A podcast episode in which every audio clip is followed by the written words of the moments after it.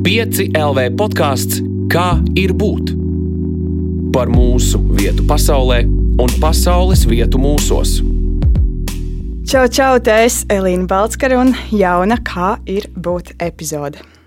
Nereti dzirdot vārdu radošums, kas ir šīs epizodes tēma, mēs iedomājamies kaut kādu mākslinieku bohēmu, reizēm radošās mokas vai citas tādas mākslinieciskas parādības. Bet radošums jau ir saistīts ar radīšanu. Savukārt radīšana raksturo teju visu, kas mums apkārt ir cilvēku veidots. Un pasauli mēs esam tā teikt pieradījuši pilnu.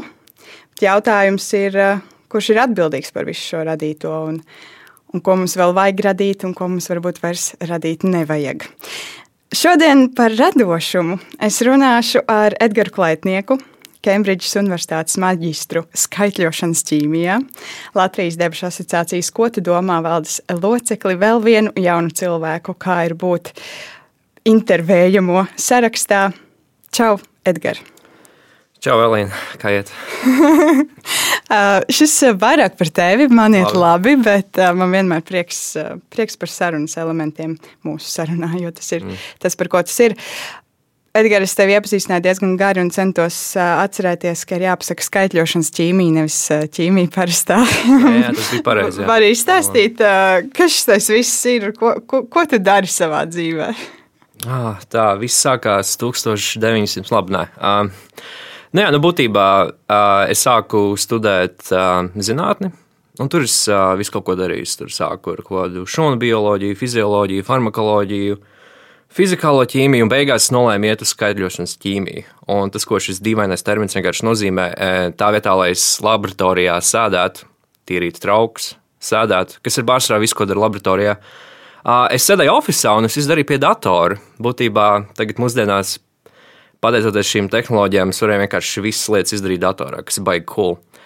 Tad um, man piedāvāja arī PhD, uh, nu, tas ir doktorantūras pozīcija. Es teicu, nē, paldies, negribējās. Um, aizgāju uz Latviju, sāku strādāt vienā tādā startupā, kurš uh, nesen Covid dēļ bankrotēja, rest in peace. Um, un, nu jā, tagad uh, es uh, strādāju kā projektu vadītājs ar dizaineriem kopā. Tas ir diezgan aizraujoši. Un jā, paralēli tam es arī esmu Latvijas debesu asociācijā, kā teicu, jā. skatos visādus interesantus projektus, mācām skolēniem, skolotājiem, dažreiz arī politiķiem, kā kritiski domāt. Okay. Man interesē, tad tu teici, ka tu šobrīd strādā ar dizaineriem. Kādā jomā? Um, es varu teikt, kādā kompānijā strādāju. Tu drīkst, protams, ah, ka tu okay. drīkst. Jā, nu, uh, Printfuls, man liekas, uh, visi okay, zina, tas viens jā. no veiksmīgākajiem uzņēmumiem, kas mums ir tagad Latvijā. Uh, nu, es esmu projekta vadītājs. Tas, ko es daru, ir uh, mums visu laiku ir jāveic visādi update ar to, kā lai cilvēki pēc iespējas labāk varētu uh, sev uzdizainēt tos krāklus vai krūzus vai ko viņi grib. Un tur ir visādas tehnoloģiskas, interesantas lietas, nu, lai tiešām palīdzētu lietotājiem sasniegt pēc iespējas ātrāk un labāk, ko viņi grib. Un uh, dizaineri, nu, būtībā viņi parāda skices, vai ne? Un tad uh, tas viss ir jāsaskaņo. Un tas viss beigās nonāk pie tā, ka mēs palaidām projektu, kurš cerams drīzāk nesalauzīs visu. Bet, bet tā nenotiek, protams, inflā, tas, tas bija joks. Jā. Tur viss ir kārtībā. Es tev atklāšu, kāpēc es iedomājos runāt ar tevi šajā podkāstā. Protams, maģistrs ķī, skaitļošanas ķīmijā ir labs atspērienu punkts radošumam. Jo, manuprāt, zinātne ir viena no tādām radošākajām jomām šajā pasaulē.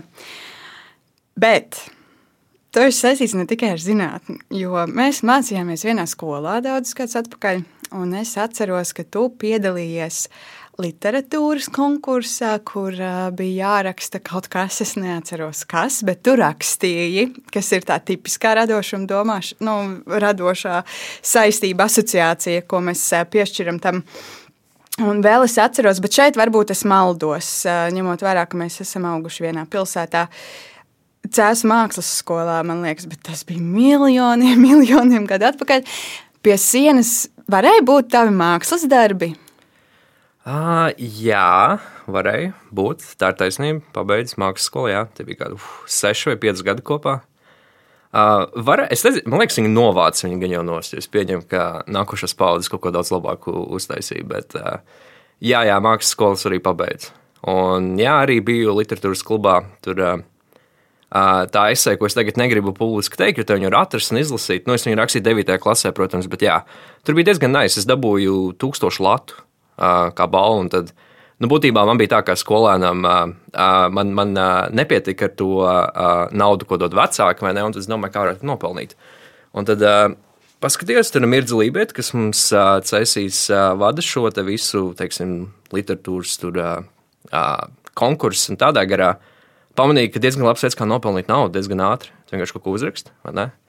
Un tu uzraksti vairākās vietās, un dažās nedēļās tu dabū piķi. Tas ir nauda, vai ne? Tā kā, jā, tas, tas, arī, tas arī bija diezgan produktīvs laiks. Bet kā šie abi radošumi, zinātnīs radošums un šis mākslinieckais radošums, kur tur ir kopīgais, kur tur ir atšķirīgais un kā tas tavā dzīvē iedarbojas? Tā, šeit es gribu lauzt stereotipu. Es nesaku, ka tu to stereotipu pateici, ne, bet tas ir tieši par zinātniekiem. Nu, man problēma ir tāda, ka, ka piemēram, tagad tev pasaka, iedomājies galvā zinātnieku, vai ne? Tas, ko visdrīzāk tu iedomāsies, nu, vai vienkārši tagad klausītāji ir kaut kādu vecu, baltādainu vīrieti, visdrīzāk kaut kādā baltā halātā, es pieņemu ar brillēm un nekārtīgiem matiem. Nu, tas ir pārsvarā, ko cilvēki iedomājas, vai ne? Bet īstenībā nu, tā nav. Tas ir zinātnieki. Ir, tie ir vienkārši, manuprāt, cilvēki, kuri ļoti tendēti uz matemātiku, bet viņi arī var citas daudzas lietas darīt. Pieņemsim, daudz zinātnieku, tīpaši uz fiziku koncentrējas, tā kā viņi zina matemātiku, drīzāk arī viņi mūziku ir mācījušies, ko instrumentu spēlēt. Tas ir viens. Uh, otrs ir, ka man, man liekas, tas, nu, piemēram, kaut ko uzgleznoja vai ne, vai arī es tur uh, kaut ko laboratorijā vai pie datora cenšos atrisināt. Gan jau tās uh, neirālās sinapses manā galvā strādā diezgan līdzīgi, vienkārši tas ir kaut kāds cits pielietojums. Tā kā, bet kā tas viss sasaistījās kopā manā dzīvē, nu, es nezinu, vienkārši sanācis arī dažreiz vienkārši svaidos apkārt visādiem projektiem, lietām. Tagad arī zinātnē esmu pametis pēc savas pēdējās publikācijas. Es nezinu, varbūt es arī zinātnē kādreiz atgriezīšos atpakaļ, bet diez vai tur bija mazliet garlaicīgi palika. Kāpēc? Oh, ok, ar ko lai sāku? Tā, tā tad, ja tu esi kaut kur, nu, šo zinās cilvēks arī kaut kur maģistra līmenī vai doktorantūrā, ir, nu, tad būtībā tā vietā, lai tev būtu garlaicīgi lasīt grāmatas un pildīt kaut kādas eksāmenes, kaut kādas fake punktus nopelnīt, tad tev jāsādā research izpētes grupā. Ja? Un tur ir visādi birokrātija ar grantiem, ar naudu, ar visādi timeline bīdīšanu. Nu, būtībā ļoti daudz arī, kas man nepatīk zinātnē, tādi perversi incentives, nu, nu latviešu incentives, jā, kuri vienkārši jāuzproducē kaut kāds noteikts pētījums noteiktā laikā, kaut kāda kvota jāsatiek, vai arī, ja tev ir iedots grants par kaut ko, tev obligāti tas ir jāpabeidz, pat ja tas ir pilnīgs, nu, pilnīgi nekam, nekas nederīgs beigās, vai ne? Un, nu, man kaut kā tā visa rutīna palika diezgan garlaicīga, man arī biedē tas, ka man varbūt liks laboratorijā atgriezties Tāpēc kaut kā mm, aizgāju soli atpakaļ. Nu, nevis soli atpakaļ, šajā gadījumā tie bija kaut kādi 1400 km atpakaļ uh, no Lielbritānijas uz Latviju, bet, nu, jā, metaforiski aizgāju soli atpakaļ no tā visa. Man liekas, interesanti, ka tu stāsti par, par tām nu, birokrātiskajām kaut kādā mērā lietām, zinātnē, kas tev vienkārši krīt uz nerva reāli un bišķi traucē to ikdienu, un kas padara to mazāk interesantu. Jo man liekas, ka šīs pašas lietas, kuras nosauc ar, ar kaut kādiem grantiem, ir tas pats, kas bieži vien slāpē kaut kādu radošo pasauli, nu, kultūrniekus, tā teikt. Mm -hmm. uh, ikdienā ar visādām projektu naudiņām, kas ir jāapgūst, vienalga, kas tur uh, notiek pa vidam. Tu pats sevi sauc par radošu cilvēku? Uh, nu, publiski jau negribas to teikt. Kā, nu, tu negribi sevi slavēt par kaut kādu, nezinu, radošu personību. Nu, vispār tev nevajadzētu sevi saukt par personību vai trešajā personā izteikties. Bet, nu, uh, guess, savā ziņā, jā. Uh, ja man jāstāsta, ka es vienkārši darījis vairākas radošas lietas, tā pieņem. Bet, nu, jā, nu šis ir tāds jautājums, kur vienkārši negribu uzreiz pateikt, jā, lai tur cilvēki nedomā, ka tu, nu, nezinu, lielies par sevi.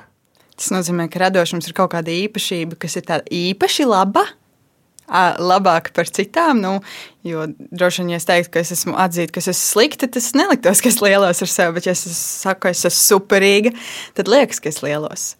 Tas nozīmē, ka radošums ir vairāk pie tās superīgas. Tas nav tā vienkārši es esmu cilvēks. Es radu. Ah, hmm. Nu, nu, nu, okay, nu, labi, radošums var būt gan labs, gan slikts. Jā. Es pieņemu, uzreiz nevaru pateikt, kāda būtu uh, filozofiskās debates gala iznākums par to, vai mums tiešām vajadzēja atomieročus izgudrot. Uh, Interesantā kārtā cilvēks, kurš uh, nu, bija galvenais pie tā Manhetenas projekta, pēc tam teica, ka viņš to ļoti nožēloja, acīm redzamiem iemeslu dēļ. Bet vai radošums kaut kāda pārāka tur, nezinu, īpašība cilvēkam vai tā? Nu, gan jau, ka ir, jā, jo tie cilvēki, kur ir tie radošākie, viņi nu, tur nonāk vēstures grāmatās, ja tas interesē kādam. Vai arī vienkārši viņi pelna visdrīzāk daudz. Uh, ja vien tas, protams, ir no kaut kāda mākslinieka, vai ne? Tas ir pavisam cits stāsts. Tā kā nu atkal radošana. Mākslinieki arī pelna daudz. Ok, varbūt jā. Ir es ne... labi mākslinieki, beidz. Nu, come on, come on. Um, labi mākslinieki pelna lielas naudas. Jā, jā, tā ir patiesība, bet nu, proporcionāli izsakoties. Uh, ja tu esi mūziķis, vai ne, visdrīzāk tu sāksi pelnīt pīķi, ja tu esi kaut kādā, nezinu, top 10, kaut kur radio vai kaut kādā tur uh, uh, billboardā vienalga. Pārējie visi ir nu, vienkārši cer, ka viņu Spotify playlist noklausīsies gan daudz cilvēku, vai arī ka viņi no savas, nezinu, mājaslapas nopelnīs gan daudz reklāmas, vai arī dabūs kaut kādu projektu. Labi, e, es negribu nolikt māksliniekus, to es negribu darīt šodien. Ja? To, to es vispār nedomāju tā, bet, uh, uh, nu jā, jā, es piekrītu, var arī tā pelnīt naudu. Jā. Tad kas liecina, ja, ja tu atzīsti, ka tu esi radošs cilvēks, kas par to tevī liecina? Kas ir tās li lietas, kas uh, liecina par to, ka tu esi radošs? Mm. Jā, man liekas, tur ir, cik es skaties, man šeit radošiem cilvēkiem ir viena izteikta īpašība. Tas ir uh, gandrīz katrā lietā, ko viņi dara, ko varētu nosaukt par radošumu. Vienmēr sākumā ir tas uh, besis vai kaut kāds tur uh, mākoņainība galvā, kur tu, kā, nu, tu sākumā negribi kaut ko baigi darīt, vai arī tu īsti neredz, kā tas ies tur tālāk. Tu, neredz, tu tur izvērtē to risku kalkulus, vai, ne, vai vispār ir vērts kaut ko darīt vai nē. Un, nu, man liekas, tie ir tie cilvēki, kas beigās tomēr iziet cauri tam uh, blokam, tam besim, vai ne, un kaut ko tomēr rada. Jūs arī esat iesācis arī daudzas lietas, pieņemsim, vienu brīdi pēc, pēc tā brīža, kad mūsu startups bankrotēs, es nodomāju sākt producēt mūziku? Un tas, ko tas viss beidzās, kaut kur SoundCloudā, ko es ceru, neviens nevarēs atrast, ir 30 sekundžu demo ar elektrotrāšu mūziku, kur ir viens Latvijas politiķis ielikts, kur viņš visu laiku atkārto vienu noteiktu frāzi, vai ne? Uh, nu jā, nu, kāpēc es apstājos? Jo vienkārši man besīja ārā, ka es nesapratu to programmu. Es tur uh, skatījos tos uh, sarežģītos uh, YouTube klipus, kur kaut ko skaidro, un tas man vienkārši bija, nu, nē, tas nav tā vērts. Tad es arī nesaprotu muzikālo teoriju, kuras pasties, ah, nu, tas vienkārši matemātika, vai ne, es iemācīšos, bet uh, nē, tur arī jāiegulda laiks, tur jāiegulda laiks. Un tad beigās tas besis vienkārši bija gana liels, lai es vienkārši to visu nu, noliktu malā, vai ne? Un uh, darītu kaut ko citu. Tas, jā, ja es. Ja tā vispār pastāst, man liekas, radošums var arī tikt nosaukts kā uh, savu veidu brīvība, ko tu iegūsi, ja tu investē gan daudz laika kaut ko sākumā. Jo, nu, pārsvarā viss, ko mēs sākumā darām, ir vai nu viduvējs vai slikts kvalitātes atšķirībā, kurš cilvēks. Nu, dažiem paveic, dažiem cilvēkiem, ka viņi kaut ko uzreiz iesāk, nu, tas ir labas kvalitātes. Bet tomēr ir jāinvestē laiks, lai nu, uztrenētu to nezinu, prasmi vai to lietu, ko tu vēlēsies sasniegt. Un tas ir vienkārši blokeris, kāpēc arī man liekas, ka kādreiz cilvēki savu nesauc par radošiem, jo viņi vienkārši, nu, pasakā, nē, nu, es labāk, nezinu, tur tā vietā, lai es pieņemsim vienu dienu, vienu stundu dienā pavadītu, lai es trenētos ar to muzikālo programmu. Es acīm redzot, sev vairāk novērtēju to, ka es šo vienu stundu dienā pavadu vai nu vienkārši bezjēdzīgi Facebook timeline skatoties, vai kaut kādu YouTube video, vai ne? Uh, nu jā, nu rezultāts ir kāds ir. Tas obligāti nav nekas slikts. Nav jau tā, ka mums viss pilnībā ir jādara, jāiemācās pilnīgi viss. Tas būtu absurdi. Bet, uh, nu jā, ja tu aizej cauri tam blokerim, es varētu teikt, tu esi tāds radošs cilvēks. Tu esi investējis tam laiku iekšā. Tā bija ļoti gara atbilde. Uz jautājumu, ko es neatceros tagad. kas, kas, kas, par, kas liecina par to, tu esi radošs. Ah, jā, jā, pareizi. Pareiz, jā. Tas bija jautājums. Man liekas, ļoti interesanti tas, ko tu saki par, par to, kā tu centies producēt mūziku, un ka tev likās tās programmas vaiprātīgi sarežģītas, un tad es iedomājos, ka es atvērtu kādu ķīmijas grāmatu, un, un man liktos vienkārši, ka tas nevar būt, ka tas saistīts ar vispār šo realitāti, bet laikam jau tomēr ir. Um, tu pirms tam arī pieminēji par to, ka radošums var būt gan labs, gan slikts. Kaut kādā mērā droši vien drīzāk tas gala produkts ir vai, vai nu labs vai slikts. Vai radoša domāšana var būt jēgpilna arī tad, ja tā izrādās kaut kādā veidā nu, nepareiza vai, vai ar sliktu gala rezultātu? Tā, ok. Uh, um, šeit ir jādefinē, ko mēs domājam ar jēgpilnu. Ar jēgpilnu, ka tas tam cilvēkam bija jēgpilns, vai arī tas, nu, tas, tas, tas process vai kaut kas ir rezultējis. Nu, pat ja tu izdari kaut ko sliktu, beigās no, tās, no tā procesa tur arī kaut ko labu var izdarīt vai iegūt. Nu, Pieņemsim par to otru piemēru, ja mēs skatāmies par tiem uh, nu, atomieroču izgudrošanu, kas, nu, man liekas, var, ne, varētu arī teikt, ka tā bija laba lieta. Tas savā ziņā apturēja uh, augsto karu, lai mēs sāktos trešais pasaules karš. Iespējams, nu, es nesaku, ka tā bija, es vienkārši pieņemu, ka tā varēja būt iespējamība. Bet reizē tajā aspektā, ka mēs sākām saprast atomu, runāja par ķīmiju, labi. Reizē, kad mēs sākām saprast šo visu atomisko teoriju, arī notic daudz brīnišķīgu lietu. Pieņemsim, tagad mums ir šie te atomelektriskās stācijas, kas, manuprāt, ir vislabākais enerģijas ieguves veids, kas patiesībā mums varētu visvairāk palīdzēt ar klimatu pārmaiņām. Un tas ir kaut kas tiešām ļoti labs, vai ne? Bet Nu, ja mēs a, a, paņemam to pirmo perspektīvu, ko es teicu, kā, pat ja tu beigās izdari kaut ko sliktu, vai ne, vai tas process tev kā cilvēkam bija jēgpilns, nu es pieņemu, ka bija. Jā. Es pieņemu, ka visi tie zinātnieki, kuri um, ir sākuši darīt uh, lietas, varbūt nemaz neapzinājās, ka uh, nu, uh, tas iznākums būs slikts. Jo viens piemērs, ko es varu iedomāties, šis atkal būs par zinātni, sorry. Uh, Um, tātad, um, mēs runājam tomēr no savas puses, vai ne? Jā, šis te vācu zinātnieks Hābers.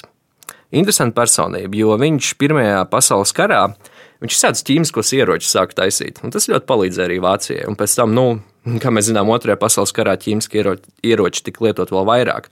Protams, ka tas ir slikti, ne, ka viņš to izdarīja. Bet reizē arī viņš izgudroja procesu, kur mēs varam ļoti vieglā veidā dabūt amoniaku un pēc tam mēslojam vai ne, tā kā agrikultūrai. Un es esmu redzējis kaut kādus dažus pētījumus vai skaitļošanu par šo, ka nu, tas drīzāk tur, nu, ja ne izglāba, bet atļauj kaut kur vismaz diviem miljardiem cilvēku vairāk piedzimt. Tas viss process, ko viņš kā iedomājās. No vienas puses, viņš, protams, kretīns, ka viņš kara laikā Kretīns nav labvārds. Jā. No vienas puses viņš ir kretīns, ka viņš izgudro šos ķīmiskos ieročus, no otras puses vienu vai divus miljardus cilvēkus izglābt no kaut kādas um, um, starving, no, no, bada. no bada. Jā, paldies, no bada. Protams, ka tā ir laba lieta. Tā kā, jā. Um, Radošums visur, vis kaut kur var aiziet. Un man pat nav nejausmas, ko Hābers tajā laikā domāja vai nedomāja. Tas paliks pie viņa kapā. Jā. Un ko tu domā par eh, mūsdienu radošuma kultu, ja mēs to tā varam saukt? Jo mūs visus aicina būt radošiem, tad vēl reizēm izmanto arī latviski, latvisko vārdu kreativitāti, cik mums visiem jābūt kreatīviem, un mums ir jāattīsta savs radošums, un mums ir jāpiedalās šādās nodarbībās, vai mums ir jāmēģina šādas aktivitātes. Kas tas ir un ko tu par to domā?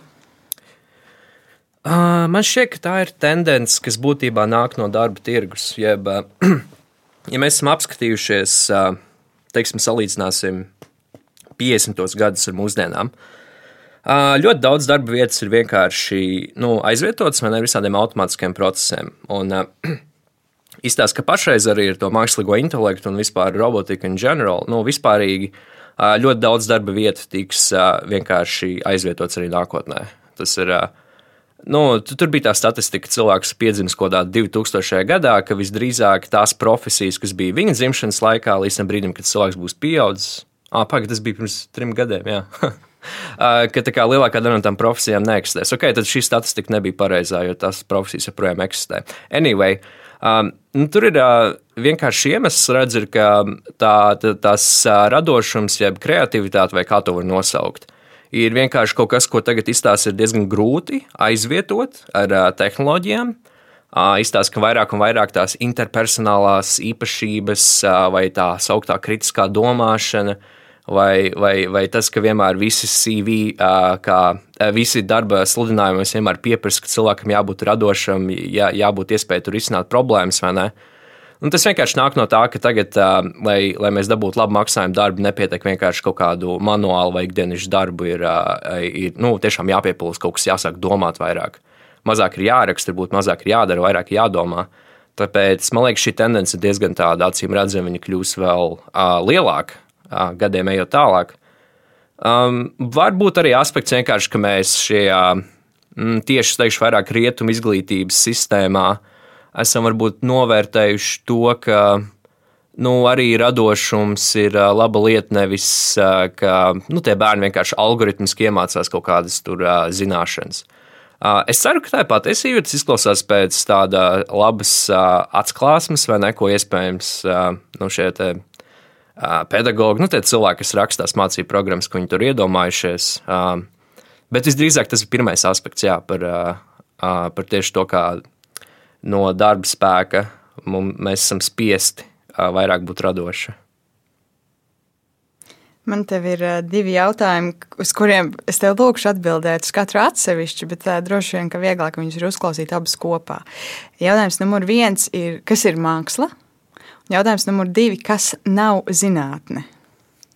Mm. Ah, Dievs, okay. Tā, kas ir māksla? Tā nav zinātne, kas nav zinātnē, māksla nav labs jokoja. Kas ir māksla? Nu, bāts, grūti pateikt. Jā, man, man grūti atbildēt uz tādiem jautājumiem, kur būtībā ir tāds viens kaut kāds vārds, ne, kuram ir acīm redzot vairākas nozīmes, kā mēs to uztveram. Bet, pieņemsim, ja mēs varam definēt mākslu, tas drīzāk ir kaut kāds vizuāls, audiāls vai kaut kāds nu, produkts, ko tu beigās radi, kas cilvēkiem šķiet gana tīkams vai netīkams, lai viņi uz to vismaz paskatītos. Un tas arī process, viss kā to veidu, vienalga, vai tā ir glaznošana, vai tā ir kaut kāds spēlēt klavierus vai tādā garā. Tā būtu tāda ļoti pragmatiska mākslas definīcija, jo es baidos tur baigi filozofēt par šo. Kas nav zinātne, tas gan ir vienkārši, kas nav zinātne. Būtībā tas, kas neatbilst uz galvenajiem zinātnes principiem, kas ir noteiktiem apgalvojumiem nepieciešami pierādījumi, vai arī teorijām nepieciešami pierādījumi, Un tas, ka visas tās hipotēzes vai pieņēmumus, ko tu izvirzi, ir tev jācenšas nevis viņus obligāti pierādīt, bet pierādīt, ka viņas nav patiesas. Tas ir pierādīt no pretējā. Um, tas, ko tas vienkārši nozīmē, ja es pieņemsim, pasaku, um, ja tu dienā izdzersi divus litrus ūdeni un to darīsi regulāri piecus gadus, tu visdrīzāk neslimsi nekādu vēža veidu vai ne. Nu, loģiski šeit būtu pierādīt vienkārši, ka nē, nu tā nav. Ja tu to dari, tas nenotiks. Ne? Jo problēma tāda, ja nu kāds nezinu, tur, to ūdeni ir ļoti reliģiski dzēris, ne, un pēc tam nedabūvēs, tā kā, ah, ah, varbūt šis strādā. Un, nu, tāpēc tur ir tas princips, ka pierāda no pretējā un ka ir jābūt būtībā pierādījumiem. -huh. Vai ir kāds mākslas veids, kurš ir izrādījies racionālāks par zinātni, un kāda zinātnes skola, kas izrādījusies radošāka par mākslu? Tā, pirmais bija, vai ir kāds mākslas, mākslas veids, veids, kas ir racionālāks. racionālāks hm. Tā, visdrīzāk nē, bet jautājums, vai mēs filozofiju pieskaitām arī pie mākslas, grūti pateikt. Mm. Ja mēs pieskaitām, tad būtībā, nu jā, nu, filozofija ir tas galvenās dažas filozofijas domas, ir vienkārši tās axiomas, jeb nu, tās galvenās tēzes, kas tev vienkārši ir jāpieņem zinātnē, lai zinātu strādāt. Tajā gadījumā es pieņemu, ka tas var būt racionālāk vai ne. Vai zinātnē ir bijuši radošāka māksla? Tas ir. Hmm, es domāju, ka jā. Es domāju, ka ir vairāki piemēri, kur, pieņemsim, lai mēs vispār kaut ko atklātu, Uh, vienkārši apbrīnojam, ka kāds ir iedomājis kaut ko ģeniālu veidu, kur uh, nu, uh, tu kaut ko atklājis. Savukārt, mākslā nu, tur var būt visādi mākslas darbi. Tur, uh, tur var būt... Es varbūt vienkārši pateiktu vienu piemēru okay, no zinātnes. Uh, kas, manuprāt, šķiet radošs. Man liekas, tas viens no radošākajiem, kad es to uzzināju, man tas likās super radošs, ko vispār kāds to iedomājās. Tas bija tā, tad, kad es biju universitātē, es arī paņēmu tādu moduli vai kursu, kas ir klimata pārmaiņas. Un, uh, un viena no lietām, ko mums sāk stāstīt, ir vienkārši parādīt grafiku, kur uh, tur vidējā uh, gaisa. Vidējās uh, virsmas temperatūra Zemē bija tik un tik grādi pirms, nezinu, simts miljoniem gadu. Un tad vienkārši man, un es pieņemu arī visiem citiem rastos jautājums. Pagaidām. A, kāds to zina? Kā, jo nu, tad nebija termometra, tad vispār nebija cilvēku. Kā, Katrs man var pateikt, ka pirms 300 miljoniem gadu temperatūra bija aptuveni tik liela, vai ne? Interesants jautājums, jo tiešām nu, tajā laikā neviens, neviens nedzīvoja, tad kā to varēja izmērīt? Un tad vienkārši viens, ja nemaldos, Nīderlandes vai Skandinavas zinātnieks 50. gados izdomāja šo. Uh, Viņš aizgāja uz Arktiku un izurba tur caurumu vienā vietā, vai ne? Un viņš sāka lasīt visādus iežus. Ja? Tad viņš tā kā pasakā, ka, ņemot vērā, kā tie ieži ir nogulsnējušies, var pateikt aptuveni, cik vecs ir tas slānis tiem iežiem vai tam akmenim, vienalga. Es tagad ļoti vispārīgi saku un pieļauju vairākas neprecizitātes, bet tas ir ok. Um, Ok, nu labi, viņam šī ieža. Un tad jautājums ir, kā tu pateiksi, ka, pieņemsim, ja tu zini, ka tas iezis nāk pirms 300 miljoniem gadiem, nu ok, bet kāds, kāds tam sakars ar vidējo temperatūru tajā laikā? Un tad, okay, un tad, tad mēs ejam tālāk. Šajos iežos ir kalcija karbonāts vai vienkārši karbonāti. Karbonātos iekšā ir skābeklis. Es centīšos ļoti vienkārši pateikt. Nu, tur ir vienkārši skābeklis. Es jau sekot līdzi, jā, viss kārtībā. Nu, skābekļa atoms, to mēs zinām. Šis skābekļa atoms ir nācis no ūdens. Mēs zinām, kas ir ūdens, vai ne? Un tajā laikā visu laiku arī bijis ūdens. Bet ir tāda lieta, ir tā sauktais parastais vai vieglais un smagais ūdens kas vienkāršā valodā ir smagais ūdens. Nu, tas viens no tiem skābekļa atomiem ir, viņam tur viens nu, izotops cits. Vienkārši viņš ir smagāks. Tad, tad, tā viena ūdens molekula ir smagāka nekā otra. Ja? Okay. Tas balstīts uz izotopiem. Ok, forši. Kāds tam sakars ar temperatūru? Tad mēs ejam tālāk. Uh, pieņemsim, ka mums ir uh, tropiskais klimats, vai ne? Un uh, mums ir okeāna ūdens, kur attiecīgi viens ir smaga molekula, viena ir netik smaga. Pārsvarā viņas nav smagas. Un tad, kas notiek, tad, kad uh, ūdens izsvaiko, ja no kā rodas mākoņi, pavisam loģiski, ja smagāks kaut kas ir, viņam grūtāk nonākt augšā? Tad uh, visdrīzāk tajos mākoņos būs vairāk šis vieglais ūdens nekā smagais. Savukārt, ja gaisa temperatūra ir gana augsta, ja, tad tas efekts mazinās. Tad tas nu, vārīšanās vai teiksim, tas tvaicēšanas process ir gan intensīvs, lai būtu nu, vienalga, vai tā molekula ir smagāka vai nav. Jo tā atšķirība nav liela sazīmē, ja temperatūra ir augsta, tad vairāk mākoņos būs tas smagais ūdens. Ja? Un tad tas smagais ūdens no tropiem aiziet, aiziet uz ziemeļiem, vai ne? Un pa vidu visu laiku notiek nokrišņi, jeb lietas, un viņš līst ārā. Un atkal, kura lieta visdrīzāk nokritīs, smagāk vai vieglāk? Nu, smagāk, vai ne? Un tad beigās, beigās, beigās viss tas nonāk uz polāro logu, loku, kur tas pārto par sniegu. Un tad, kad tas sniegs sakrājas, vai ne, un tur notiek kaut kādas vētras, vai tādā garā, tie kļūst par iežiem gadu laikā. Ja? Tad tas ūdens, kas ir bijis tropos, ja, viņš nonāca līdz polāriem lokam, kļuvis par sniegu un pēc tam par iezi. Un tagad ir tas ģeniālais brīdis. Tas, ko viņš izdara, atceramies, sākumā mums bija tas iezis, ja, mm -hmm. kurš bija pirms cik miljoniem gadiem radies.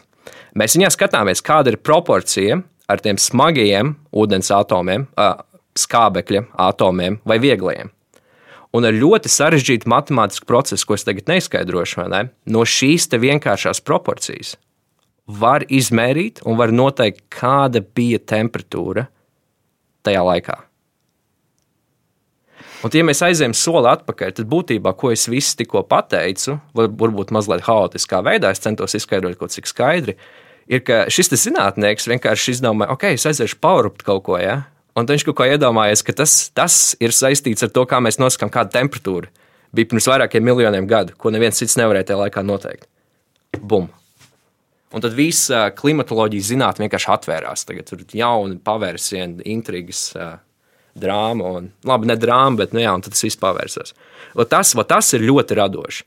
Un, ja man kāds prasītu, vai šis eksperiments, vai ne, ko es nezinu vispār, kā viņš to iedomājas, vai tas ir radošāks par kaut kādu, teiksim, gleznu Luvrā, es domāju, ka visdrīzāk jā, tiešām. Es esmu gatavs atbildēt. Manuprāt, tas kaut kas ļoti radošs vispār, ko tādu iedomāties. Katrā gadījumā viss šis tevis stāstītais piemērs noteikti ir viens no tiem, kāpēc es uzskatu, ka zinātne ir ļoti radoša joma. Bet kā tev liekas, vai cilvēka dabā ir radīt? Vai viņi ir? Vai cilvēka dabā ah. ir radīt? Zini, kā mēs runājam par cilvēku ah, dabu? Jā, jā. -hmm. jā absolūti noteikti. Um, tam ir vairāki evolucionāri principi, kāpēc tā ir noticis. Jo, uh, Uh, nu, pēc evolūcijas, skatoties, ka mēs tur sākumā bijām tur viena radinieka ar uh, šimpanzēm. Labi, mēs bijām, nu, labi, es negribu, nezinu, kā tas. Nu, man liekas, šimpanzēm radinieki vai ne. iemesls, kāpēc mēs tagad esam šajā studijā, runājot kaut kādos plasmas metāla rīkos, vai ne, un to ierakstot internetā, kas par citu stāstu aizsūtot, ir vienkārši tajā, ka cilvēkiem evolucionāri ieprogrammēts uh, atrisināt problēmas un visādus rīkus radīt. Tas ir neizmantot tikai savu ķermeni, vai ne? Un tur, nu, būtībā es pieņemu, ka viens no visrevolucionārākajiem, nu, akmens laikmeta vai pirms tam iPhone bija būtībā, ka tu vienkārši uztaisīji cirvi. Un tad var to nezinu, stirnu vai ko tur, vai šķēpu nometīt ātrāk. Un tad visdrīzāk tā, tu dabūsi uh, ēdienu daudz regulārāk. Tas nozīmē, ka tavai ciltī vai tavai ģimenei lielāka iespējama izdzīvot, kas nozīmē, ka ģenētiski tas viss tiek pārnests tālāk. Nu, absolūti noteikti cilvēku dabā ir, uh, ir radīta. Un, un, ja cilvēka dabā ir radīta, vai tas kaut kādā mērā nenozīmē to, ka viss nu, mākslīgi radītais kļūst dabisks. Nu, varbūt eh, šis galds patiesībā ir daļa no dabas, ja tā ir daļa no mūsu dabas, un mēs esam daļa no dabas. dabas. Uh, nu, jā, protams, nu, neiegrimstot ļoti tādā depresīvā filozofijā. Nu, būtībā, ja es pastošu šī, šī galda, tas vienkārši sastāv no noteiktiem atomiem, kas ir uh, nākuši no kaut kādas, nezinu, zvaigznes, kas tur uzsprāga kaut kādā laikā, vai ne? Līdzīgi arī esam mēs. Mēs esam nekas vairāk vienkārši kā atomu molekulu kopums, kas savā veidā nu, kopā strādā un, un liek mums, mums domāt, ka mums kaut kāda apziņa. Ja mēs skatāmies tādu filozofisku, ļoti deterministu skatījumu, kur būtībā tas, kas mēs esam, ir nekas vairāk kā vienkārši uz fizikas likumiem balstītas molekulu un atomisko spēku miedarbības, ja mēs skatāmies no tāda skatu punkta, tad visdrīzāk tā saruna, kas mums tagad ir, ne, ir nekas vairāk vienkārši no tā, ka, kad radās visums, noteiktas daļiņas bija noteiktā permutācijā, vai viņas bija viena tuvu vienotrai, ka nu, šī saruna, tas, ko mēs sakām, viss jau ir uh, paredzēts, tas viss vienkārši notiek tālāk. Nākamais teikums, ko es pabeigšu, arī vienkārši nav manā kontrolē, bet tas tur nu, iet no vienkārši uh, hmm, molekulām vai atomiem vienkārši sasitoties kopā vai atdaloties. Vai ne? Kā, uh, jā, uh, no šāda skatu punkta mēs esam līdzvērtīgi galdam būtībā. Kā tu par to jūties? Nē, nu, protams, tam netic. Tas būtu ļoti ticēt, bet tā, tam daži cilvēki patiesībā tic. Jā. Tas ir interesanti viņiem runāt. Un kam tu tici? Uh, šajā filozofiskā aspektā? Uh, jā, es nezinu. Uh, nu, es vienkārši. Uh, ja problēma ir tāda, to determinismu argumentu, viņai patiesībā ir diezgan grūti atspēkot. Jo tur ir nu, kā, tas, kā viņš sākas, tur nu, būtībā divas pamatēzes. Pirmā pamatēze ir tas, kā viss mums radās, tad būtībā viss tās.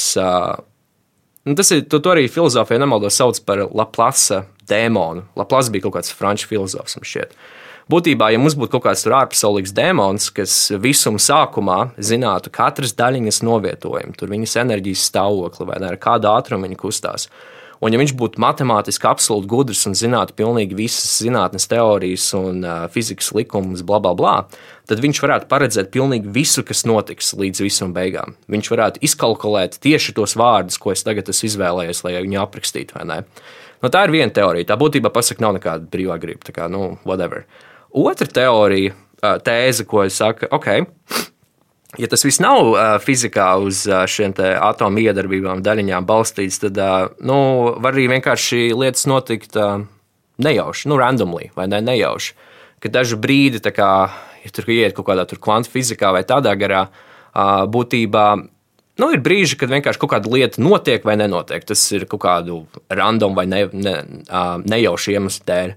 Bet tās teorijas secinājums arī visdrīzāk ir tāds, ka nu, tad arī vienkārši nepastāv brīvā griba. Ne? Jo, nu, ja tas ir neveikli radīts vai nejauši, tad uh, iznākums savā ziņā nav pat labāks nekā pirmais. Un tādā ziņā šo argumentu, šo determinismu argumentu ir diezgan grūti atspēkot. Tāpēc tas, ko es izvēlos, ir vienkārši pateikt, uh, uh, man ir viena alga par šo diezgan depresīvu domāt, tad es vienkārši aizēju prom. Jā. Mm -hmm. Labi, ejam prom, ejam tālāk nedomājot varbūt par to, ka mēs esam pilnīgi līdzvērtīgi ar galdu, bet vispār šīs kategorijas, uh, radītais, mākslīgais, dabiskais, kas ir kas, uh, ko tu par tām domā, kā mēs tās lietojam? Oh, es īstenībā nesaprotu jautājumu. Vienkārši, ko domā par šīm kategorijām, kā mēs sakam, radītais, mākslīgais, dabiskais. Ja mēs tikko runājam par to, mm. ka, ka viss, kas ir radīts, patiesībā ir dabisks, un kas tad paliek, kas ir mākslīgs, varbūt mums vispār tādu vārdu nevajag. Ah, jā, jā, jā. Nu, tas ir vienkārši atkal tā ir semantika. Tas ir, tie ir vārdi, kā mēs izvēlamies, lai mēs vienkārši sarunās praktiski varētu nu, ātri saprast, par ko mēs runājam. Uh, mākslīgs. Nu, Parasti cilvēki domā, mākslīgs tas, ir, tas nav dabā, nezinu, no koka noraujams. Tas ir kaut kādā fabrikā vai rūpnīcā radīts. Tas ir kaut kas mākslīgs. Vai arī pieņemt glāzi arī ir mākslīgs savā ziņā, ja viņu dabā nevar vienkārši tāpat atrast. Un tad būtībā mākslīgs laikam ir domāts, ka tas ir cilvēka radīts. Tas nav dabisks. Jā. Nu, tādā aspektā es pieņemu, tā klasifikācija izklausās kaut cik ok, bet tur nu, ir vairākas kļūdas, ko arī cilvēki pieņem tajā. Man ļoti nepatīk, ja, ja kaut kādi cilvēki ir kaut ko salasījušies internetā par šīm e-vielām, vai ne? Un, saka, man, man, manā ēdienā lūdzu bez ķīmijas. Es atvainojos. Jūsu ēdiens ir radīts no, kā, no molekulām, kas ir daļa no ķīmijas. Tas viss ir ķīmisks. Ja? Liela daļa cilvēku arī nesaprot, ka tā biežākā e-viela, ko viņi sauc, ir vienkārši sāls. Jā, nu šis bija mazliet off topic. Jā, bet, Nē, šis ir ļoti labs topiks, ko atgādināt tik pa laikam. Ja es varu šo atgādināt, jā, lūdzu, nesakiet, man lūdzu, ēdienu bez ķīmikālijām. Um, mēs runājām tikko par to, ka cilvēka dabā ir radīt. Kāpēc tev ir svarīgi radīt? Un ko tu radi? Hmm. Es pieņemu, tur ir divi galvenie iemesli, kāpēc svarīgi. Um, pirmais ir tāds uh, nu, social validation, vai ne? Tas ir latviešu, nezinu, tur. Nu, jā, nu, social validation, vai ne? Uh, būtībā, uh, kāpēc, kad es biju bērns, man ļoti patīk glaznot? Nu, pavisam vienkārši es kaut ko uzgleznoju, vai ne? Un tad uh, pieauguši cilvēki par to man izteica kompliments. Es ceru, ka viņi actually, nu, patiesībā tā domāja, vai ne? Es pieņemu, ka domāja, bet uh, tas rada prieku gandarījumu. Paskaties, es radīšu šo, vai ne? Uh, Tas ir diezgan svarīgs aspekts, un man liekas, neviens nevar pateikt, ka tas cilvēks ir izolēts no tā. Jo, protams, nu, ka tu vēlēsies kaut, ko, kaut kāds projekts, sācis, kas ir viena no pirmajām lietām, ko dari, vienkārši pasakot citiem cilvēkiem, ka tu to dari tagad, vai ne? Lai uzreiz saņemtu to cieņu, sajūsmu, vai gandarījumu, vai uh, nedzirdams uh, aplausus, vai ne? Uh, tas nav obligāti nekas slikts. Uh, man liekas, nē, mēs kā cilvēki esam tā, nodras, tā pārāk izmantotā frāze sociālas būtnes. Tas drīzāk ir ok. Protams, tas var aiziet uz kaut kādiem ekstrēmiem, kur uh, viss, ko es daru, vienkārši kaut kādas performances dēļ, vai ne? Es kaut kāds influenceris. Labi, es neesmu nenolūkšu influenceris. Okay, tā bija pir pirmā motivācija. Otrā, kas ir, man liekas, arī interesanti, ir, ka, ja es kaut ko esmu uztaisījis, pieņemsim, vai es uzrakstīju kādu rakstu, kas man liekas diezgan labs, ļoti labi argumentēts, vai arī es esmu nezinu, kaut ko uztaisījis, pieņemsim, galda spēli ir tas gandarījums ir tāds, ka mm, tu esi kaut ko pats izdarījis, un tu esi izgājis cauri tam slinkuma periodam, tu esi kaut kā sev pierādījis. Un, Tu esi kaut kā savā acīs kļuvis par varbūt vairāk ja ne intelektuālu, bet uh, kādā veidā bagātāku cilvēku. Un tā ir diezgan laba motivācija. Um, ir īpaši ņemot vērā, ka dažas lietas, ko tu dari, uzreiz nesaņem to uh, social validation. Uh, Un, nu, es pieņemu, kāpēc arī man liekas, ārsti ir ļoti radoši cilvēki, tīpaši ķirurgi, kur tas ir, tas ir cik es esmu redzējis un lasījis. Un, tas ir ļoti sarežģīts darbs, kur tev ir nu, jāgriež vaļā cilvēks, vai ne? Tur ir jāsako līdzi, tur vai anestezija ir ok, kāds tur, nezinu, tur sirdsnēms, kāds tur skābekļa līmenis asinīs, vai cilvēks ir miris vai nav. Tas arī svarīga lieta, ko skaties, vai ne? Un tur visādi radoši risinājumi. Ja nu pēkšņi kaut kāds asinsvads pārtrūks vai kaut kas tamlīdzīgs, tad nu, bam, uzreiz izdomā uz vietas izglābt šo cilvēku. Un tas ir kaut kas, manuprāt, ļoti radošs, bet tas uh, social validation, dažreiz cilvēki pat, uh, kurus izglāba, nepasaka tev paldies, vai arī, nu, arī tagad, vai cik mēs ārstus personīgi pazīstam, vai ne. Protams, mēs visi slavējam, sakam, ārsti ļoti labi cilvēki, bet personīgi es jau nezinu visus ārstus. Arī nav tā, ka mēs visiem ārstiem varam vienkārši praktiski pateikt paldies, tāpēc viņiem tas validation būtu nav tik liels. Nē, viņš, protams, pastāv, bet viņš nav tik izteikts kā tas, ka tu dari kaut ko, kas tev vienkārši rada piepildījumu, kaut kādu misiju. Tur viņi ir uz ekstrēmās puses tieši ārsti. Ja? Tad, ja mēs skatāmies uz kādu spektru uzliekam, tad vienā spektra galā, kur ir maksimāli daudz tas gandarījums, un maz tas validation, tur ielikt, man liekas, ārstus. Un, ja mēs ejam uz otru pusi, kur ir uh, ļoti maz piepildījums un ļoti daudz tādas validation, tur es laikam ieliku kaut kādu. Uh, nezinu, pusaudzis, kas vienkārši strateģiski liek Instagram postus, lai dabūtu uh, noteiktus uh, laikus vai reakcijas. Protams, es nesaku, ka pusaudži ir slikti, ka viņi lieto sociālos tīklus, bet nu, būsim godīgi. Jā.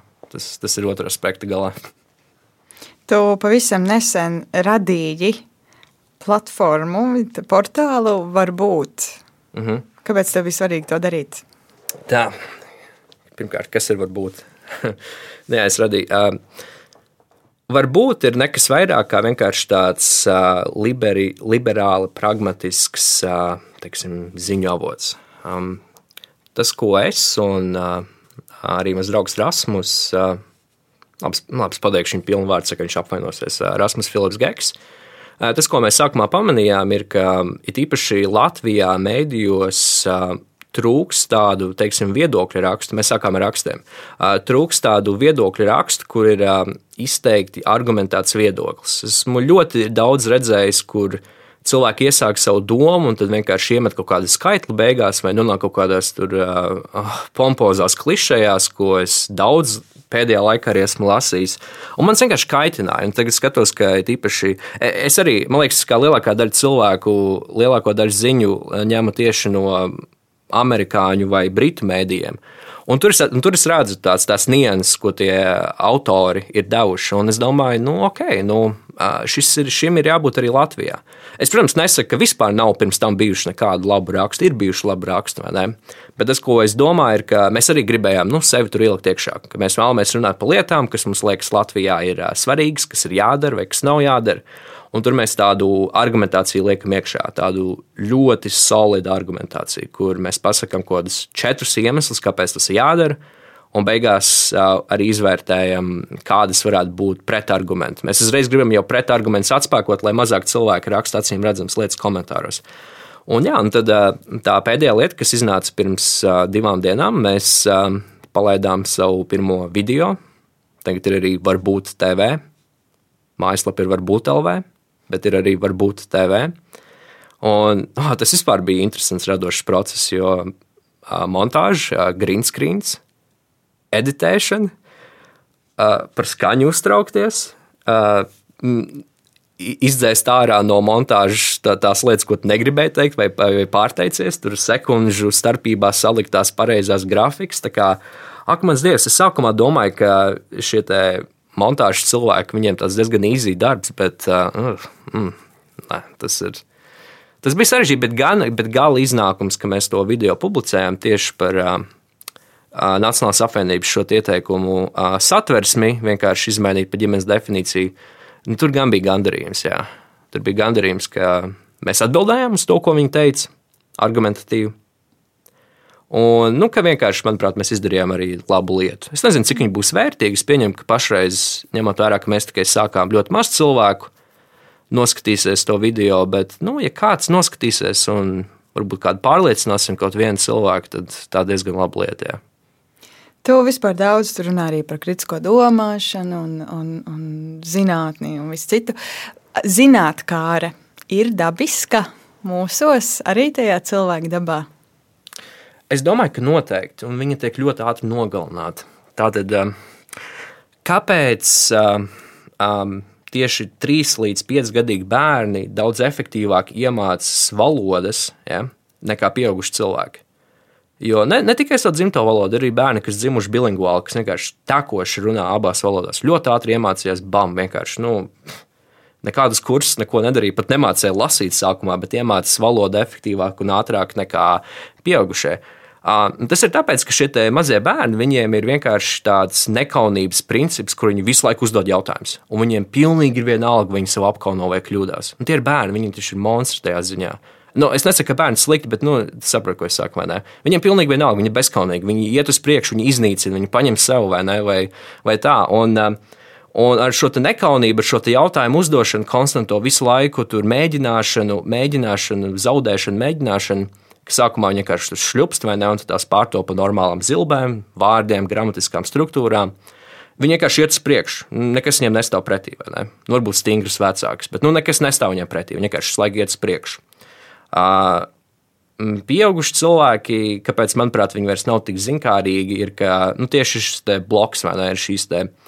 Uh, Tu, tu negribi uzdot kaut kādu apkaunojošu jautājumu. Tu negribi pateikt skaļi, ka tu kaut ko nezini, vai es kaut kur pilnīgi nekompetents vai ne, tādā garā. Tas ir, nu, tas ir acīm redzami. Ne? Un es nezinu, vai tas notiek skolā vai, vai kaut kad, bet uh, izstāsta, ka ir kaut kā dzīves gaitā tas lūzuma punkts, kur tā zinkārība vienkārši paliek mazāk un mazāk.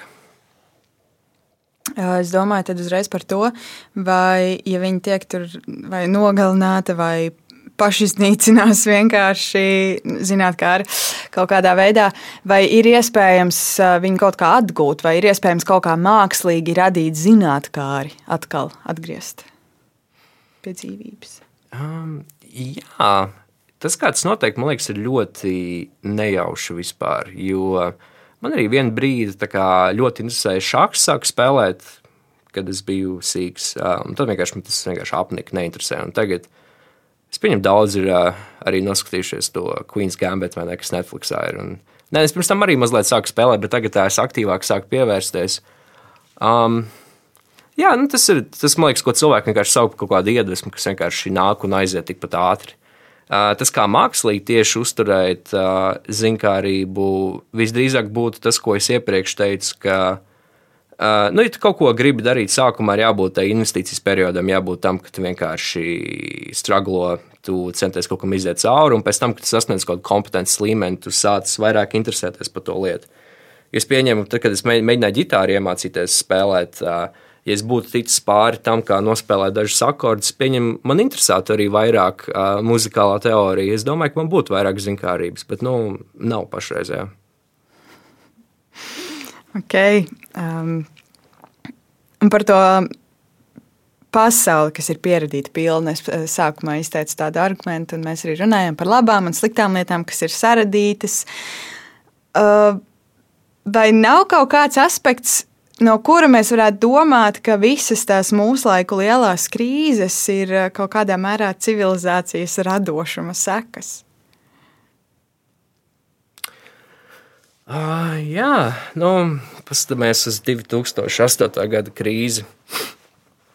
Kāds ir tas uh, galvenais iemesls, nu, kas vismaz tiek izteikts, ir, ka vienkārši uh, noteiktu investīciju banķieri bija kļuvuši ļoti radoši tajā veidā, kā viņi sapakoja kopā visus tos uh, mortgages, tos uh, mājokļu kredītus, jā, es nezinu, mājokļu kredītus vai ne. Veids, kā viņi tos finansiālos produktus tur pa labi, pa kreisi salika, sapakoja kopā, salika viņus kvadrātā. Tas ir viens termins, ka viņiem ir CDOs, kas tur ir, kur ir CDO squared arī. Tie, kas redzējuši, viņi nemalos filmu Big Short, zinās, jā tā ir arī laba filma. Anyway, no, viņi bija ļoti radoši tajā veidā, kā viņi izdomāja šīs visas schēmas un veidus, kā vienkārši bīdīt naudu, kas izstās beigās īsti neeksistēja, vai ne? Un jā, un tas noved pie kaut kādas savu veidu lielas krīzes, jā, kuru daži no mums arī līdz šodienai izbauda sekas. Uh, jā, tas bija īpaši radoši. Es pieņemu, ka vislielākā krīze, kas ir radusies radošam dēļ, visdrīzāk būs uh, klimata pārmaiņas sekas, jo uh, Ja mēs paskatāmies, kāpēc vispār eh, klimata pārmaiņas būs problēma, tāpēc vienkārši nu, industrializācija un nu, viss tas kapitālisms, ko mēs esam radījuši. Protams, tas ir brīnišķīgas lietas, ko mēs esam radījuši. Tas ir vienkārši izteikti radoši, ja mēs salīdzinātu savu dzīves līmeni ar cilvēkiem pirms industrializācijas. Tur vienkārši iegājis apbrīnojami liels, iespējams, lielāk, iespējams, visvairāk koncentrētais noteiktā laika periodā radošums, kāds jebkad ir bijis. Un, nu jā, un tas novadīs pie tā, ka mums būs noteikti sekas par klimatu pārmaiņām. Mm -hmm. Un, vai ir kaut kādas um, lietas, uh, kur mums valstiskā līmenī vai, vai globāli mums vajadzētu būt mazāk radošiem un drīzāk uh, beigt kārtējo reizi kaut ko izdomāt no jauna un vienkārši paņemt kaut ko, kas jau ir izdomāts, vai turēt kaut ko tādu? Huh, vairāk radošiem. Mm. Mazāk tieši. Mazāk, ah, mums vajadzētu Nu, būt ka mums mazāk. jābeidz vienkārši, ka mēs visu laiku domājam kaut ko jaunu, domājam kaut ko jaunu, bet uh, varbūt uh, mums ir jābeidz domāt kaut kas jauns un jāpaņem kaut kas, kas jau kaut kur ir. Mm, Pirmā lieta, ko es iedomājos, ir tieši, saistībā par uh, internetu. Um, ja mēs paskatāmies par to, kāds internets bija sākumā, 90. kas bija vienkārši būtībā tā tāds joks, vai ne?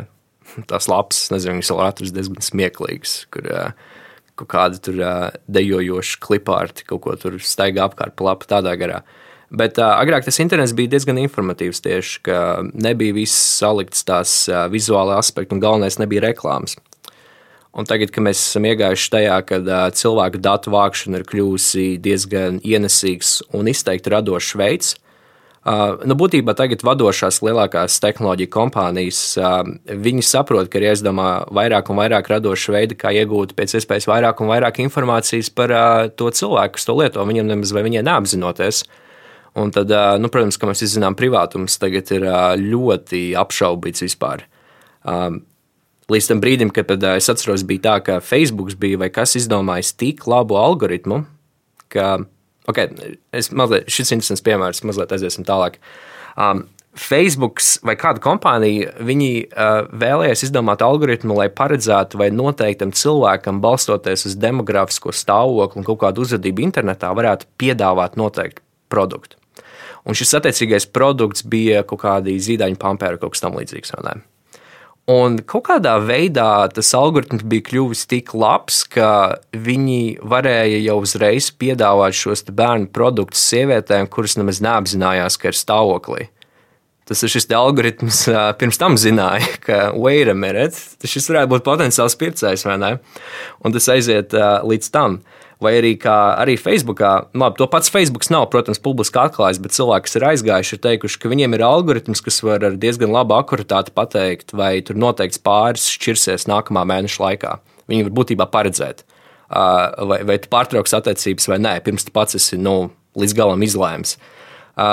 Ļoti radoši veidi, kā šī visa informācija ir ievākta un tie secinājumi ir izdarīti. Var, vai vajadzētu mazāk mums to? Man šķiet, ka lielākā daļa cilvēku teikt, ka visdrīzāk, jā, varbūt varētu mazāk. Mēs daudz šeit, eh, kā ir būt, runājam arī par, um, par pandēmiju un par to, kā tā ir mūs izaicinājusi. Kā tu varētu ieteikt izmantot radošumu cīņā ar pandēmiju? Es nezinu, vai tas ir īstais termins, bet uh, šajā situācijā, kurā mēs visi esam ielikti. Mm, jā, tad ok. Es iesaku darīt tieši sakojošo. Tad, ā, ņemot vērā konteksts, ir, ka mums ir šī mājasēde, ā, ka mēs īstenībā nevaram kontaktēties ar cilvēkiem, nevaram iet uz kafejnīcām, bāriem. Mums būtībā mēs pavadām nu, dzīvokli, vai nesam vienu, vai kādu citu, vai un ko darīt. Iemācieties spēlēt šahu tagad. Nobeidz, ir noteikums var iemācīties, nezinu, kaut kādās mm, piecās. Pēdējais tev ātri pār, pārtraukšu. Iepriekšējā kā ar būt epizode ir ar ā, 22 gad, gadus vecu dāmu, kur um, šobrīd mācās par šaha treneri un pasniedz arī jau pirms tam un arī spēlē. Tā kā Tur var atsaukties, varbūt var iedvesmoties. Mēs runājam par skaitliskajām un vērtības pozīcijām un, un tā. Es vienkārši tagad pati noreklamēju savu podkāstu. Paldies! Bet uh, tagad tu turpini par to, kā jāiemācās spēlēt šahs. Numur viens. Jā, um, šachs ir, ir tā ir vislabākā galda spēle, kas, manuprāt, ir vispār izgudrota. Tur ir ļoti skaidri noteikumi un no tās vienkāršības. Jo, nu, cik tur ir? Uh, ir vien, pagaid, viens, divi, trīs, četri, pieci, seši, seši dažādi kauliņi. Es, gribu, es negribu rā, pateikt publiski nepareizi, pagaidām viņa ieskaitīt.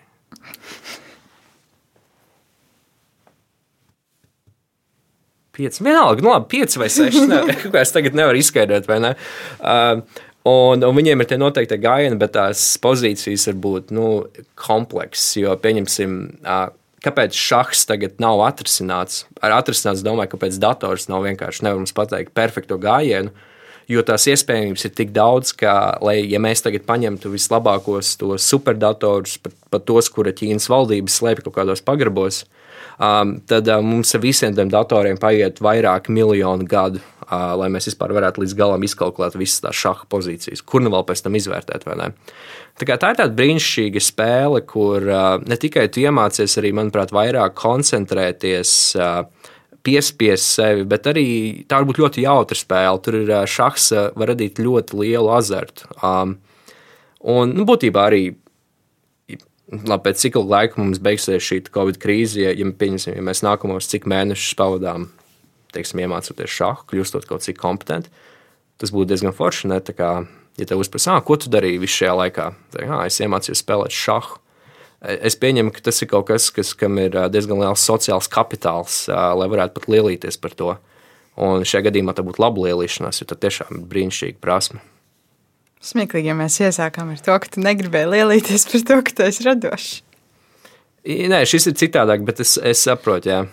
Nu, jautājums, kad ir laba un kad ir slikta lielīšanās, tas ir interesants jautājums, man liekas kā mēs sociāli izvērtējam katrs no kaut kādām savām pieredzēm, kurš tad ir tas labais aspekts un kurš sliktais. Tu esi kaut ko iemācījies šo, šo um, pandēmijas mēnešu laikā bez šaha, vēl kaut ko citu? Par Jā. ko tu varētu palielīties? Vēl atpakaļ pie šāda, tad ir sešas, seši unikāli kalni. Jā, es tagad nonācu beidzot pie pareizas atbildes. Ir seši. Jā. Pagāja laiks, bet pagāja. Nu, bet nonācām pie atbildes. Vai es kaut ko pandēmijas laikā esmu vairāk iemācījies? Hmm. Es domāju, ka Našībā, kas skatās iemācīšanās, ja es ļoti aktīvi sakoju līdzi ziņām, vai ne? Un, ja tu ļoti aktīvi sako līdz ziņām, tad saproti, ka dažreiz uh, tu iespējams neapzinājies kaut kādu noteiktu kontekstu vai interesantu backstory. Pieņemsim, ka es tur uh, kaut kad lasīju ziņas, ka tur Bol Bolīvijā notika tas uh, apvērsums, vai ne? Un tad uzzināju, ka Bolīvija ir valsts, kur ir vislielākās litija rezerves, vai ne? Un tad tur ir visādas interesantas sazvērstības teorijas vai, vai veids, kā, kā tieši šis te, uh, apvērsums notika.